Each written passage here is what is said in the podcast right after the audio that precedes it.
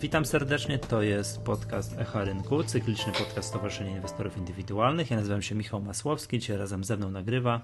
Iżyński Rafał, miło mi. Cześć Rafał, słuchaj, yy, jesteśmy tuż po konferencji Wall Street, ja mówię, jesteśmy tuż po konferencji Profesjonalny Inwestor, który odbył się w ostatni, która odbyła się w ostatni weekend w Zakopanem. Chciałem zapytać się o wrażenia, jaka tematyka według Ciebie teraz dominuje, co inwestorów najbardziej interesuje, po co przyjeżdżają na takie konferencje jak profesjonalny inwestor, który uczestniczyło no, no, no grube kilkaset osób.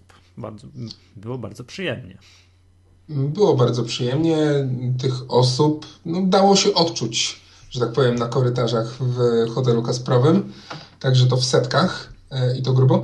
Ja mi się wydaje, że y, osoby, które przyjeżdżają, to dzielą się na takie dwie grupy. Pierwsza grupa osób to są ludzie, którzy mm, albo dopiero zaczynają inwestować na giełdzie, albo dopiero zbierają wiedzę, bo jeszcze nie do końca czują się na tyle w cudzysłowie mocni, aby to robić.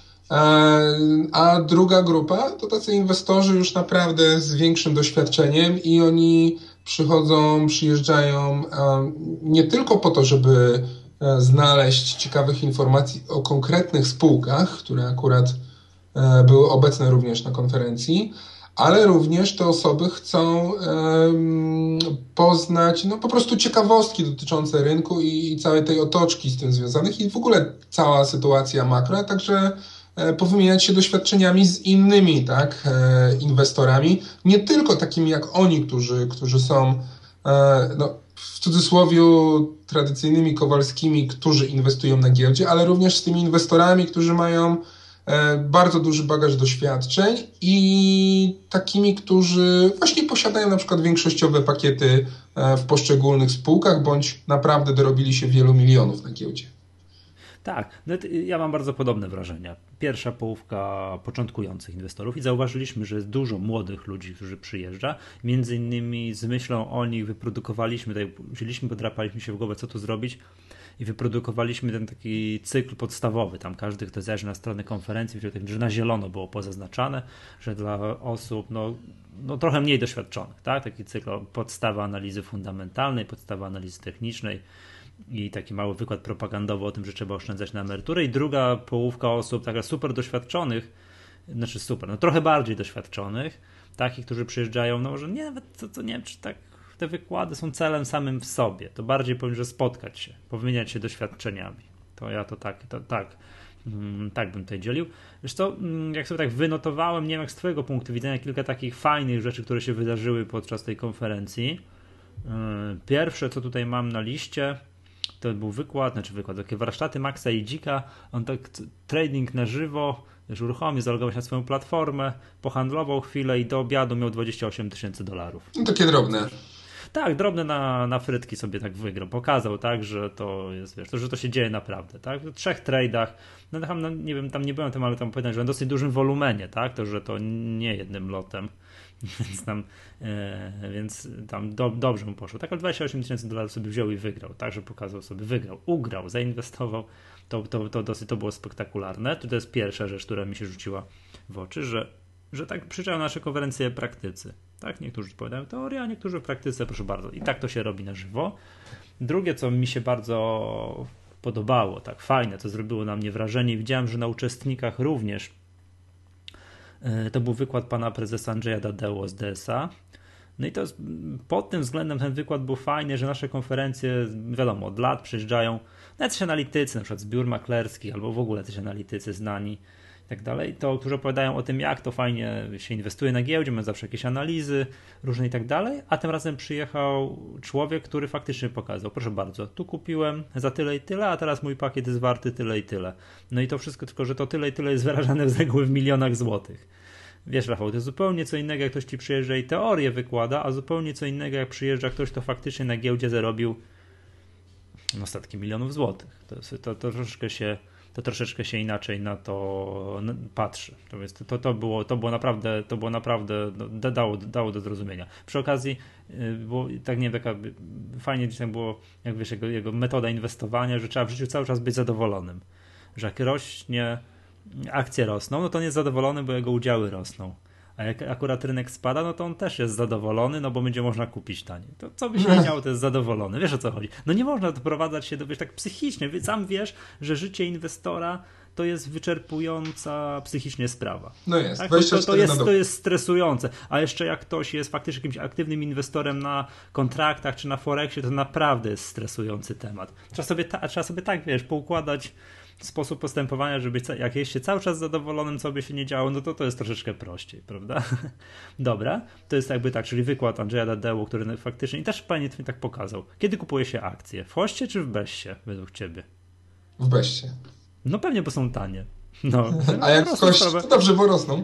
Nie, a w hoście się no nie kupuje, bo są drogie, tak bo rosną. Także wiesz, mówi, że on się źle czuje. Patrzmy, on się źle czuje, jak akcje rosną. Woli jak spadają, a jak spadają, to znaczy, że zaraz będzie tak tanie, że będzie można sobie kupić, tak? No i plus.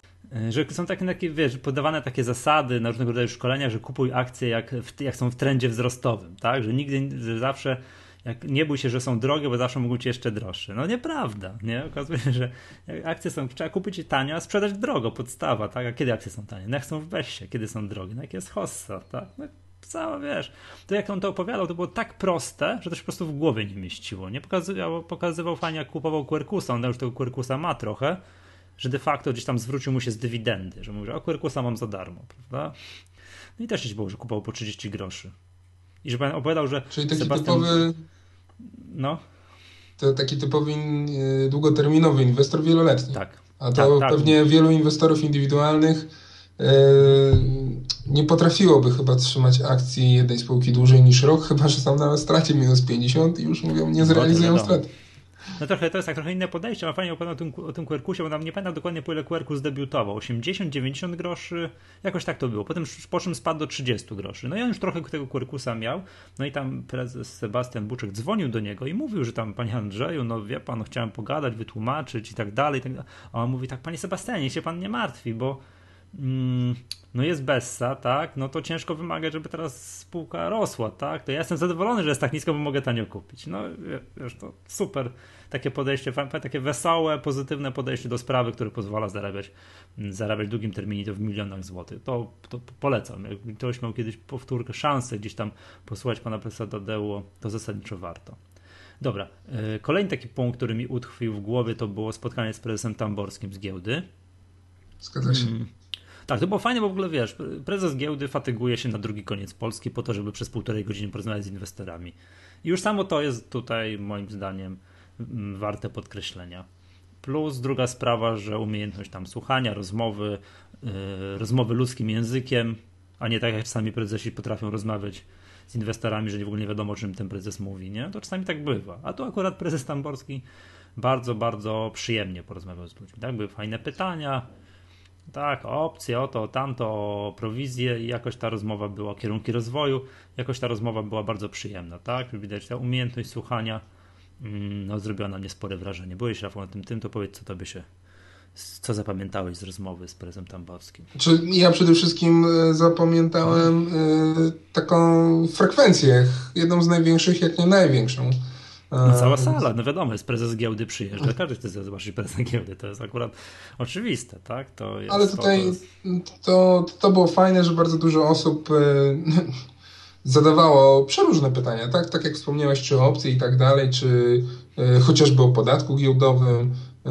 jak to wygląda, czy, czy jest możliwość jego usunięcia i tak dalej. No tutaj takie konkretne pytania i odpowiedzi i, tutaj no, nie trzeba było moderować jakoś tego, tego wykładu, bo, bo, bo to spotkanie no, po prostu samo się napędzało i pewnie gdyby mogło, to by jeszcze trwało dłużej. Jasne, no, no to, to, było, to było sprytne. Generalnie polecam takie rzeczy, jak ktoś może, że no, szczególnie nasze konferencje, to zawsze będę polecał, bo, za, bo no, pokażcie mi inne miejsce, gdzie może sobie tak usiąść i pogadać z prezesem giełdy. Jak mi ktoś pokaże... Nie to, ma takiej możliwości. Nie, nie ma takiej możliwości, właśnie, chciałem powiedzieć. Ale tak chciałem cynicznie, wiesz, powiedzieć, że jak mi ktoś pokaże, to, to będę naprawdę bardzo wdzięczny. Dobra, to jest to, o cyklu podstawowym mówiłem. Jeszcze zanim przejdziemy do jeszcze jednego punktu, to już chciałem powiedzieć o, o był taki wykład, to nie był wykład, spotkanie z Filipem Duszczykiem.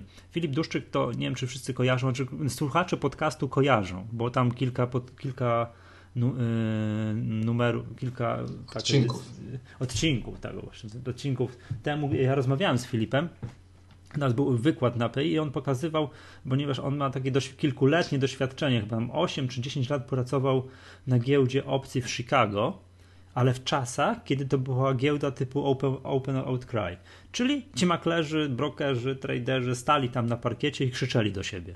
I tak były zawierane transakcje. I on to, i on to pokazał, który po pierwsze miał jakieś filmiki, po drugie, miał jakiś strój, jakim to się, jakim to się, y, jakim musiał mieć ubrany wówczas na siebie, a po trzecie, no, jakie te wszystkie, jako, jak ci maklerzy do siebie krzyczeli, to to wszystko, mm, no to on to wszystko pięknie potrafił po angielsku odtworzyć. No i to zrobiło na mnie ogromne wrażenie. To, że tak ludzie handlowali, to handlowali tak, wiesz, w setki lat, tak naprawdę już cały giełda w Nowym Jorku, zanim kiedyś tam przeszła na wersję elektroniczną, to, to właśnie tak, tak to działało, że ci maklerzy tam stali i krzyczeli do siebie, wykrzykiwali ceny, no i to wszystko tak działało. To niesamowite wrażenie zrobiło, jak to ludzie potrafią takie, takie coś doprowadzić do Ale to teraz, e, tak z teraz e, obecnej perspektywy czasu, jak mamy to wszystko, klik, komputerek, każdy u siebie w biurach, e, w Przysypia domach. przy kawie. E, a wcześniej, a wcześniej to po prostu był no jak dla mnie, to mogę użyć e, słowa wręcz bazar. Ludzi, którzy stoją, krzyczą do siebie, zawierają transakcje na e, miliony, dziesiątki milionów dolarów, może czasami nawet i na setki. E, i, i, I tak jak Filip tam fajnie powiedział, no byli tacy traderzy, którzy sobie mm, zarobili tam jeden, e, jeden punkt i, i to oznaczało kilkadziesiąt tysięcy dolarów i po prostu wpadali robili to, co mieli zrobić, zarobili, wychodzili po pół godzinie, po, po godzinie i szli do domu, tak? Mając w kieszeni dziesiątki tysięcy dolarów. E, ale tak, że no. jak to było, jak to było zorganizowane i tak dalej, że tam, no to to jest nic innego jak mecz baseballa, no pokazanie transakcji na odległość, nie wiem, dziesięciu, kilkudziesięciu metrów do, do, do, odpowiednich osób, między odpowiednimi osobami, nie myląc się mm, o te owe dziesiątki, setki tysięcy dolarów, to wszystko działało, tak? Nie, no to szok. Bardzo fajne podał takie statystyki, że średnio raz na miesiąc karetka wywoziła jednego tam maklera, tradera, który tam, bo zawsze się ktoś po kimś przebiegł, że ktoś kogoś potrącił, stratował, bo akurat trzeba było biec do gościa, który miał fajną, fajną transakcję, fajną ofertę i tak dalej. No to, to, to niesamowicie to wyglądało. Powiem tak, jak teraz popatrzeć na przykład powiedzieć na naszą warszawską giełdę, no to nudy, nie? Wchodzisz, nic się nie dzieje. Jak akurat, nie, nie, jak akurat jest taki dzień, że nie ma nic na sali notowań, żadna konferencja się nie odbywa i tak dalej, to może tam, wie, wydaje się, że to tak ziewnąć, a tam po prostu szaleństwo jakieś. To jest, Powspominać no. można miło.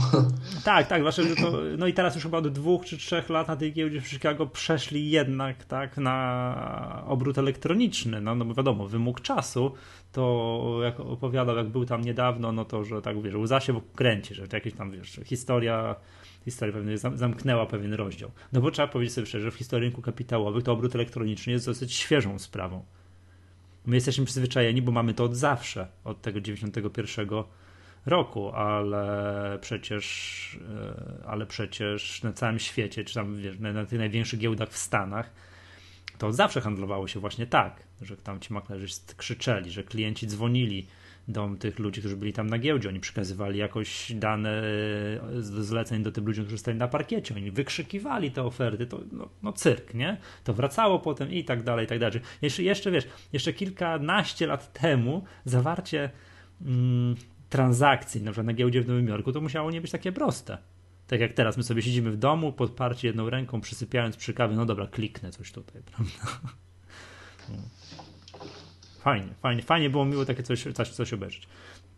No i dobra, to to mi utkwiło w pamięci jako bardzo, bardzo taki ciekawy punkt programu, tak? Jak kiedyś, to od razu też nie słuchacze, jak kiedyś będziecie wiedzieli, że jakieś szkolenie giełda robi z opcji, gdzieś w waszej okolicy, i Filip Duszczyk będzie to prowadził, no to się tam zgłoście na to. I tam ciągnijcie go za język, żeby właśnie poopowiadał, jak to się te zlecenia składało, bo to robi niesamowite wrażenie, że to, że to jest do ogarnięcia. to jest do ogarnięcia. Tak. Dobra. I jeszcze chciałem, y, jeszcze na jedną rzecz chciałem zwrócić uwagę, że generalnie wszystko mi się podobało na tej konferencji, no ale tak jak miałbym jeszcze jedną rzecz wyciągnąć, co zasadniczo było fajne, no to mieliśmy taki panel dyskusyjny, który Rafał ty prowadziłeś, nazwijmy go tak w uproszczeniu panelem węglowym, tak? ale jego pełna nazwa to był sektor wydobywczy na giełdzie, y, tak, na giełdzie warszawskiej pod lupą C i brał w nim udział prezes Zagórowski z JSW. Tak. E, tak, no ten, no to też tak wytknę, też widać było, że trochę tak wszyscy go żałowali. No panie prezesie, no trochę pan pecha, tak, taką spółkę, jaką pan, jak teraz przychodzi panu dowodzić. E, prezes Stopa z Bogdanki i dyrektor Tarnawski z KGHM-u. No i to powiedz może, co tam najciekawszego udało się wydobyć od, od panelistów? No, po pierwsze, mm, tak naprawdę wszyscy prezesi opowiedzieli o stronie kosztowej e, w swoich spółkach e, i, i, i potencjalnie stronie przychodowej. No wiadomo, że Bogdance i OTSW no to stroną przychodową to jest nic innego jak cena węgla, bo tam te poziomy produkcji e, delikatnie rosną. No Bogdanka wiadomo, zakład przeróbki węgla, to, to wpłynie jak najbardziej na wolumen sprzedaży. IOTSW z kolei również w ostatnim e, zakończonym kwartale gdzieś, gdzieś te wolumeny e, produkcji e, rosną, no ale wiadomo, że jak wolumen produkcji ton pomnożymy razy cenę węgla, no to w większości otrzymamy przychody. No a po stronie kosztowej? No tutaj oczywiście był nieodzowny stary, jak i nowy temat, czyli kosztów pracowniczych, bo przypomnijmy, że w JSW to jest 50 kilka procent wszystkich kosztów, to są koszty pracownicze y, i tutaj prezes Zagorowski cały czas to podkreśla od wielu, wielu miesięcy, no, że nie powinno być tak, że te koszty e, pracownicze są stałe, nie do ruszenia i one nie są y, w cudzysłowie dostosowane albo elastyczne do poziomu przychodów, tak jak to teoretycznie powinno być większości nie są związane z wynikiem, z wydajnością z efektywnością, pracy. po prostu. Tak, tylko powtórzone kilkakrotnie słowo, jak dużym, że są mm, jakimś tam układem zbiorowym zabetonowane. Bo kiedyś tak, tak było. E, no i tak naprawdę oczywiście JSW teraz robi wszystko, żeby, żeby to mm, zrestrukturyzować, polepszyć, dostosować do zmieniającego się otoczenia. Ja tutaj tylko podam kilka cyfr, które były przytoczone przez prezesa Zagórowskiego. E, pamiętajmy, że po trzech kwartałach JSW ma stratę minus 300, około minus 300 milionów e, złotych. Cały rok 2013 to był symboliczny w cudzysłowie zysk 82 milionów zysku netto. A teraz y, oszczędności ze zmian, które JSW będzie chciało wdrożyć, czyli niewypłacenie 14 pensji, co ma wartość 230 milionów złotych rocznie, deputatu węglowego dla obecnych pracowników 140 milionów złotych oraz deputatu dla emerytowanych górników to jest 68 milionów złotych to tak szybko licząc jest to około 430 milionów złotych tylko i wyłącznie z obcięcia e, tych no, dwóch przywilejów, tak? To jest więcej niż strata po e, trzech kwartałach, tak? A kilkukrotnie razy więcej niż sam zysk netto w 2013 roku. Więc potencjalne skasowanie w cudzysłowie tych wymienionych przeze mnie kosztów no naprawdę bardzo mocno odbiłoby się na zyskowności e, spółki. Pamiętajmy też, że JSW cały czas e, przez ostatnie półtora roku e, tylko obcina proces inwestycyjny, plan inwestycyjny w spółce. No musi to robić po prostu, no bo nie, nie, nie ma zysków a niestety inwestycje w górnictwie są rzeczą nieodzowną, aby kontynuować e, sam proces wydobywczy, działalność mhm. operacyjną. Znaczy one muszą być cały czas robione. Nie może tak, a wstrzymajmy inwestycje na 3 lata. Nie, nie, to nie jest niemożliwe, także... No to się nie da niestety. Tak. Znaczy wiesz co, no tam utkwiło w głowie takie zdanie, nie pamiętam kogo, chyba właśnie prasa Zagórowskiego, czy prezes Stofat powiedział, już nie pamiętam, że no nie może być tak, że pracownik dostaje 13 14 pensję tylko dlatego, że jest górnikiem. Z jakiej racji? Ja wiem, to są przywileje górnicze, tak? I to też dyskutowaliśmy w poprzednich odcinkach y, naszego podcastu, że ja znakomicie rozumiem to, że praca górnika tam na dole to jest dużo, dużo cięższa praca, pod względem fizycznym oczywiście, no nie niż na moja praca. I ja to rozumiem i wiem, że oni muszą być z tego powodu mieć no trochę być inaczej wynagradzani, trochę inaczej mieć te przywileje emerytalne, tylko że no to nie można, powiem tak, przejąć tym wynagradzaniu, bo to faktycznie no, jest jakaś taka spółka, w której pracują, ugina się pod tymi kosztami pracowniczymi, to za sekundkę oni tam w ogóle nie będą mieli pracy i w ogóle nie będą dostawali żadnej pensji, nie mówiąc o 13 i 14, jakby to, jakby, jakby tam te zarządy tylko i wyłącznie słuchały się związków zawodowych. No niestety i też było podkreślone, że no, jednak ci y, sami przedstawiciele związków zawodowych, y, no to oni, prezes Zagórowski powiedział, że według niego to y, oni reprezentują, nie reprezentują załogi, tylko siebie i swoje interesy. A w momencie, kiedy oni swoimi jakimiś tam kanałami komunikują się z typowym górnikiem, który po prostu przychodzi i pracuje, no to te, te, te ich zdania już są jednak e, odmienne i dla nich, dla tych górników, takich zwykłych, jak prezes Zagórowski powiedział, to dla nich jest najważniejsze po prostu są miejsca pracy, że on ma gdzie pracować, tak? Pamiętajmy że też, pracować, że, że ma przewidywalną tą pensję, pewną i tak dalej. Pamiętajmy tak, to mi, też, tym, to mi no, no. bardzo utkwiło w głowie, tak jak to jak było to, to prezes Zagórowski powiedział, że Y, strona społeczna, czyli związki zawodowe, tak bardzo ładnie się nazywa, strona społeczna, reprezentuje samych siebie, nie reprezentuje załogi. To, to było dla mnie szokujące, no ale domyślam się, że to tak jest, tak, że to tak, że tak to się właśnie w tych y, dużych kopalniach dzieje, gdzie zakładam istnieją wszystkie możliwe związki zawodowe, bo to wiadomo, że to nie jest tylko jeden czy dwa, ale tych 50. związków zawodowych jest, jest, jest, bar, jest bardzo, bardzo dużo, nie? A właśnie historycznie, czy to w kopalniach na, na południu Polski, czy to w stoczniach na północy Polski, to są wszystkie, bo są tak ogromne zakłady pracy. Tak, e, co jeszcze ważne, no tutaj paneliści stwierdzili już, odnosząc się do całej e, branży wydobywczej, że tutaj oni oczekują no, takiej twardej restrukturyzacji. To, co pani premier mówiła, że no, nie, nie może być tak, że budżet będzie dokładał po prostu do tego górnictwa regularnie. A wczoraj notabene już widziałem gdzieś tam analizy e, z S&P, które mówiły, że no sektor węglowy w Polsce będzie, e, będzie potrzebował zastrzyku ze strony państwowej około kilku miliardów złotych. No to takie déjà vu, no bo jak sobie mm, przypomnimy ostatnie 15 lat w górnictwie, no to tak co pewien okres jest oddłużanie e, sektora węglowego. E, no i tutaj paneliści stwierdzili, że faktycznie, że tak przydałoby się i oni tego oczekują, żeby to będzie raz i na zawsze, żeby już nie było większych e, kolejnych e, problemów z tym całym sektorem. I taką kwestię jeszcze, którą na koniec poruszyłem, to była to był taki case, czy spółki, jak, jakie jest zdanie no, bardzo doświadczonych osób z tej branży, Mm, jakie jest zdanie na temat potencjalnego zaangażowania spółek sektora energetycznego w ratowanie mhm. górnictwa, e, bo takie mm, jakieś rysy, pomysły w mediach niektórych komentatorów, e, analityków, specjalistów e, się pojawiają. Mm, no wiadomo, potencjalne przełożenie w cudzysłowie zgniłego jaja, którym może być nierentowna, bardzo nierentowna kopalnia, i włączenie takiej kopalni bądź kilku takich kopalń do struktury grupy kapitałowej e, no, firm energetycznych, które mają ten cash flow e, bardzo duży i, i tutaj ukrycie tych strat będzie po prostu bardzo łatwe. No, powiedzieli prezesi, że no, według nich jest to, jest to nierealne i według nich to się e, nie zdarzy. No ja tutaj troszeczkę byłem zaskoczony, E, tym zdaniem, znając polskich polityków, którzy by najlepiej, no, najprostszych rozwiązań się doszukiwali i najmniej szkodzących e, tak PR-owo, no to tutaj ja byłem zaskoczony. Zobaczymy. Myślę, że to już jest tylko naprawdę kwestia kilku miesięcy, jak ten problem powinien być no, rozwiązany, a zobaczymy, czy na krótką, czy na długą metę.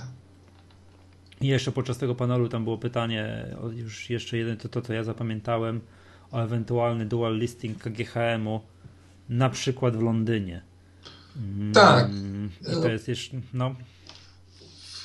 No, fakt, że taki dual listing y, potencjalnie jest w jakimś tam horyzoncie czasowym rozpatrywany, ale to nie jest kwestia na już.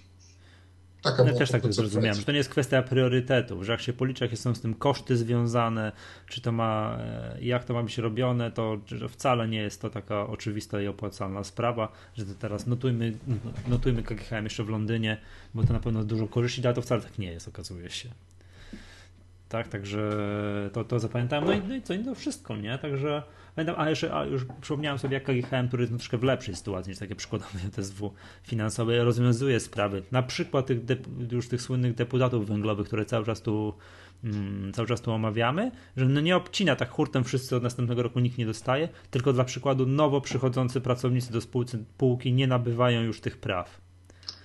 E, czy mają nie nabywać od 2015 roku, czyli to jest takie pełzające ucięcie e, deputatów węglowych, które zajmie im no grube kilkanaście, jak nie kilkadziesiąt lat, ale zasadniczo jakby też kierunek pokazują jasny, tak, że koniec z takimi nieograniczonymi przywilejami, przywilejami górniczymi. No, dokładnie I, i praktycznie większość test poruszyliśmy. Tak, dobrze.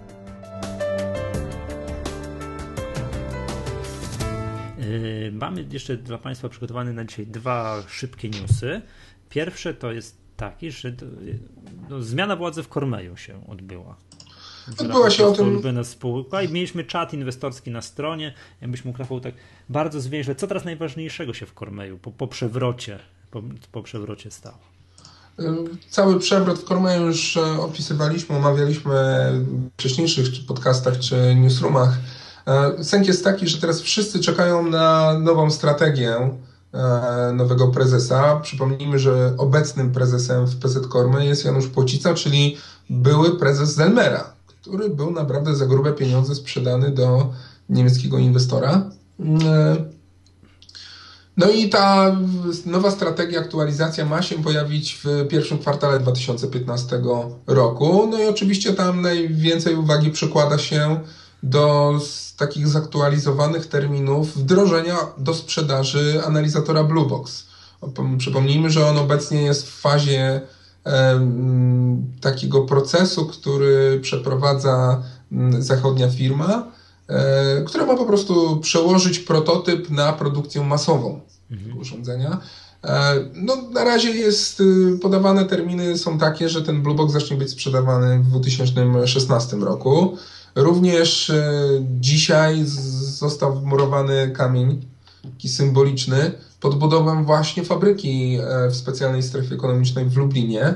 E, I tam ta fabryka mm, kosztem, jeśli dobrze pamiętam, około 40 milionów złotych ma między innymi właśnie produkować część i kasety wymienne do, do Blueboxa oraz skupiać pozostałą działalność przy innych analizatorach Cormeya. Tutaj ważną cały czas kwestią w grupie jest przejęcie kontroli nad zależną Orfi, bo jednak cały czas w Orfi władzę dzierży były prezes i, większościowy e, akcjonariusz, czyli e, Tomasz Tuora i on e, no, na razie wygląda na to, że robi wszystko, aby nie oddać władzy nad tą spółką i, i, i tutaj już Kormej E, który posiada notabene ponad 50% e, głosów, czy po prostu większość, na razie od kilku miesięcy nie może przejąć e, władzy operacyjnej w swoich spółkach zależnych.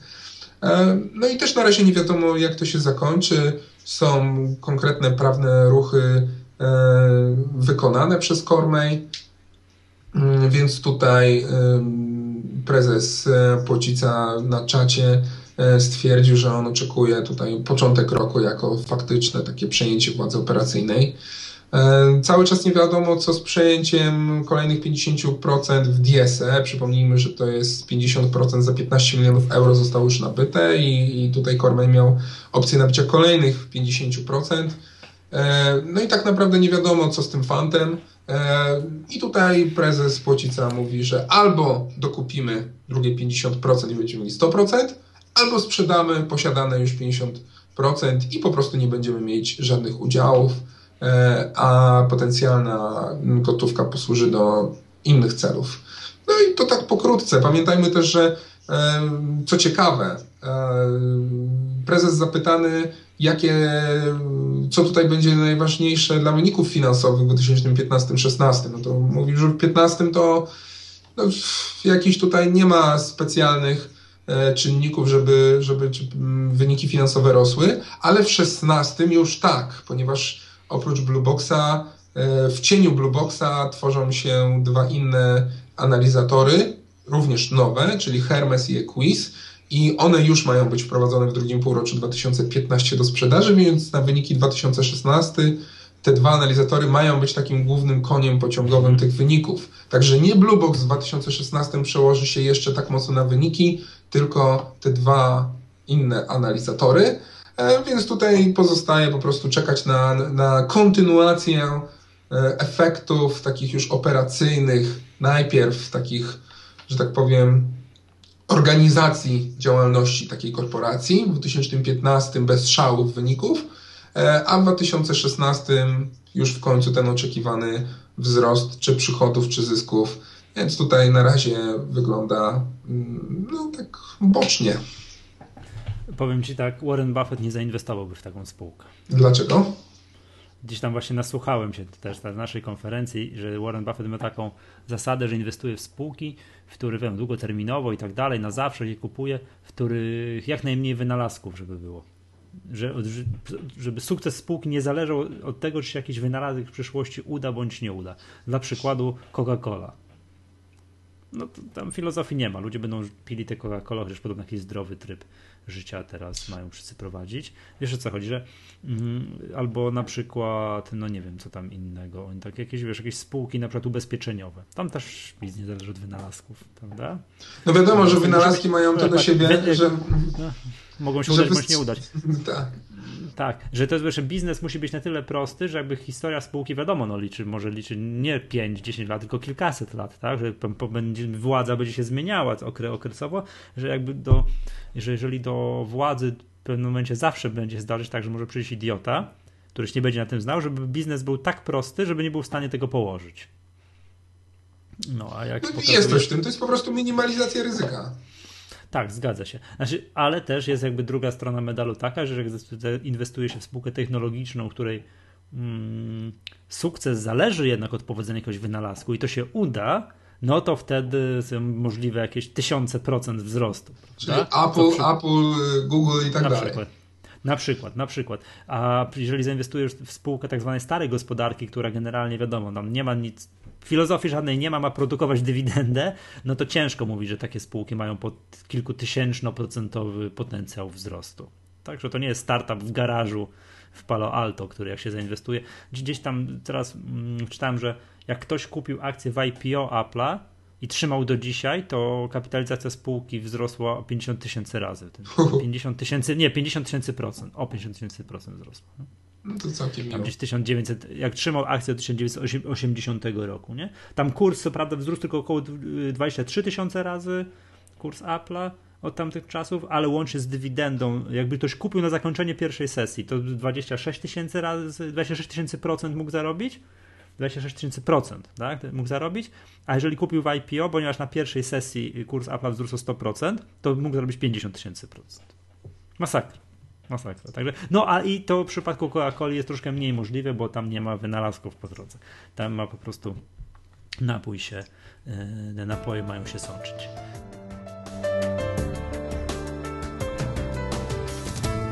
Dobrze. E, I jeszcze ostatni news na dzisiaj, którym tutaj mieliśmy, mam przygotowany, to zrobić takie podsumowanie, co tam w sektorze, sektorze odzieżowym z najbardziej spektakularną no, wyceną, tak, jeżeli chodzi o spółki na polskim rynku, czyli LPP, który no, zatrzymał się, ja bym powiedział tak, że trend, ten rosnący trend, o, nie wiadomo kiedy chyba się zatrzymał i możemy ogłosić trend boczny na LPP.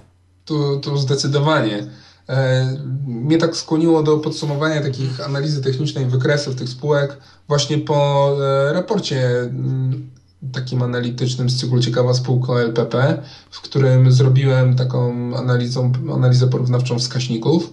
No i tam... Jest u nas na stronie, proszę sobie zajrzeć, jest raport analityczny LPP. I, e, I tam wyszły te wskaźniki no, dość różnie. Czy to kapitalizacja, czy, czy rentowności. No, wydaje się, że to jest ten sam sektor i, i tutaj model działania, kup ciuszek w Chinach, sprzedaj w Polsce, sprowadź go, opłać marketing i zarząd i, i wyjdzie rentowność netto jakaś tam i opłać po drodze podatek w Polsce. E, I tutaj i wydaje się, że to jest bardzo podobna działalność, a jak się okazuje, jak to robić i przełożyć to na rentowność, czy na wskaźniki rentowności netto, EBITDA i tak dalej, to każda spółka ma zupełnie inne rentowności, bo takie LPP ma gigantyczne zyski rentowności, e, skalę rozwoju i tak dalej, a inne spółki e, jeszcze 2, 3, 4 lata temu były na krawędzi bankructwa, a jeszcze inne wciąż przynoszą e, straty na poziomie netto. I tutaj... To po kolei. Czekaj, LPP trend boczny, no bo te wyceny są już... To, tu, ewidentnie, tu ewidentnie trend boczny, jest to na wykresie zaznaczone. Monari, bardzo ciekawy Monari. przypadek. Bo Przecież to bankrutowało w latach bankruto... 2008, 2009, już ja już tam tak jakieś postępowanie, jakieś układy, coś tam, już słyszałem o takim czymś. No. no to jeszcze... Już moja żona zastanawiała się, już biegła na zakupy do Monari, bo przecież zaraz nie będzie sklepów, tak? Wiesz jak to jest. I liczyła jeszcze na obniżki, ale sęk w tym, że to nawet w latach 2000, koniec 2012, początek 2013, ten kurs był jeszcze poniżej złotówki. Mija niespełna dwa lata, kurs jest po 10 złotych czyli no. No, 1000%. E, I, I tutaj na Monari to jest jedyna spółka, która ma mocno sprecyzowany trend wzrostowy w sektorze odzieżowym, w te, te, które przynajmniej wybraliśmy do porównań.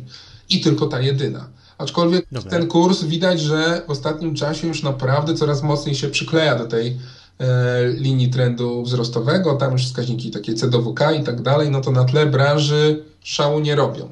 E, ale fakt, że trzeba to obserwować. Redan. Redan. To jest no tutaj właśnie. również e, ciekawy przypadek, bo podobnie jak w przypadku Monari, to taka lata 2012-13 to był kurs poniżej złotówki i, i tutaj bardzo duże problemy e, już chociażby ze spłatą obligacji, czy, czy w ogóle zadłużenia oprocentowanego. Umowa restrukturyzacyjna z instytucjami finansowymi i tak dalej, i tak dalej. A teraz się okazuje, że wystarczyło sprzedać część udziałów tylko i wyłącznie w spółce zależnej i Redan spłacił praktycznie wszystkie stare e, długi i, i tutaj wygląda na to, że tutaj przynajmniej e, tych problemów, które miał dwa lata temu, już jest wszystko w cudzysłowie pozamiatane. E, i, i, ale tutaj na wykresie e, no mamy kurs obecnie około 2 zł. E, jeszcze dwa lata temu to było około złotówki lub poniżej złotówki. W średnim terminie można tutaj mówić o jakimś lekko rosnącym trendzie, ale od grubo ponad roku tutaj bariera 2,52,60 nie może zostać przełamana i, i tutaj ten kurs tak się konsoliduje. Dobra, Wistula. Wistula, Wistula, no pamiętajmy, że tu jest po, po odwrotnym przejęciu, czyli ktoś chciał przejąć Wistulę, niekoniecznie, znaczy Wistula chciała przejąć kogoś innego, Nagle ktoś inny przejął Wistulę, to już ciekawy, ciekawy case, który wszędzie można znaleźć w Google'ach, jak to było.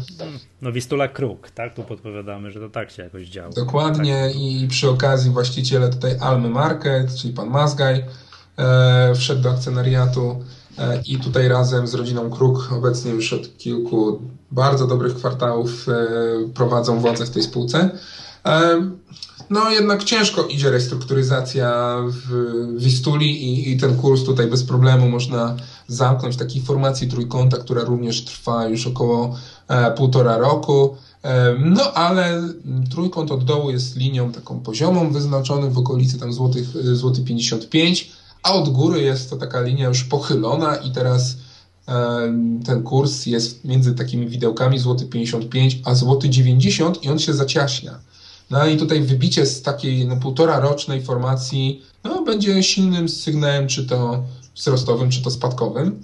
E, no i ostatnia spółka, którą. Czy, przepraszam cię, uwielbiam takie komentarze analityków. Wybicie z tejże formacji będzie mocnym sygnałem kupna, ewentualnie mocnym sygnałem. No, ale to jest bardzo, bardzo fajne zagranie, bo masz prawie pewność, tak, że w którąś stronę z analizy technicznej będziesz miał konkretne, konkretne wybicie i tutaj prawa mówią, do momentu wybicia z takiej formacji, to tylko możemy grać, w, że tak powiem, w kanale. A ten kanał się zawęża, więc tutaj granie na 5, 7, 8% ewentualnie ci teraz pozostaje. A w momencie wybicia to masz naprawdę otwierają się już ruchy na 100% minimum. Mhm, dobrze. No i fakt, że i Solar, który on nigdy nie był w trendzie rosnącym od momentu debiutu, ani przez ćwierć kwartału, tak patrzę, nie, nie było. To z tego co Dokładnie, widzę, to jest, wielki tak... trend spadkowy, jakoś pechowo tutaj ten solar. To, to jakbyśmy nałożyli, no to, to jest taka mini wersja Petrol Investu, na razie to tak wygląda. Bo Petrol Invest jest teraz po kilkanaście groszy, jeśli dobrze pamiętam, on był po set złotych, tak Solar był po naście złotych, czyli tam około 13 złotych i tak dalej. no obecnie jest po złoty 70. Tak, no. Czyli też tutaj około blisko 90% spadek, a tylko ostatnie 5-6 dni przyniosło 20% spadek kursu, wybicie, przebicie kolejnych minimów, bardzo wyraźna linia trendu spadkowego, więc tutaj... No i dopóki, i dopóki ta linia nie zostanie tu przebita, to obowiązujący trend jest cały czas spadkowy. Nawet gdyby tutaj jakieś odreagowanie było, no to jest taka bardzo ładna kreska na wykresie, którą sobie można namalować i w chwili obecnej tak zamykam jedno oko, to 2,30, 2,20, to poniżej tych poziomów cały czas jesteśmy w trendzie spadkowym. Tak, tak 2,35 mhm. tak w tym momencie. Mhm. Wiadomo, że te, te, te, poziomy się odbijają. No, będzie się obniżać, wiesz, on będzie się, ta kreska tak. będzie się obniżać. Czas będzie płynął, ona będzie, ona, będzie, ona będzie coraz niżej. No i to wszystko. Słuchajcie, ten taki piękne zestawienie, jak ktoś chciałby sobie popatrzeć, to jest u nas na stronie w Newsroomie zachęcamy tam do, do, do przeglądnięcia tego. Zachęcamy do y, przeglądnięcia raportu o LPP, który też w ostatnim czasie pojawił się u nas, u nas na stronie. No i to byśmy mieli chyba wszystko na dzisiaj. Tak jest. Dziękujemy wszystkim za uwagę. Tak jest. Dziękujemy wszystkim za uwagę. To był podcast Echa Rynku. nazywam się Michał Masłowski. A ja, Iżyński Rafał. Dziękuję. Do usłyszenia.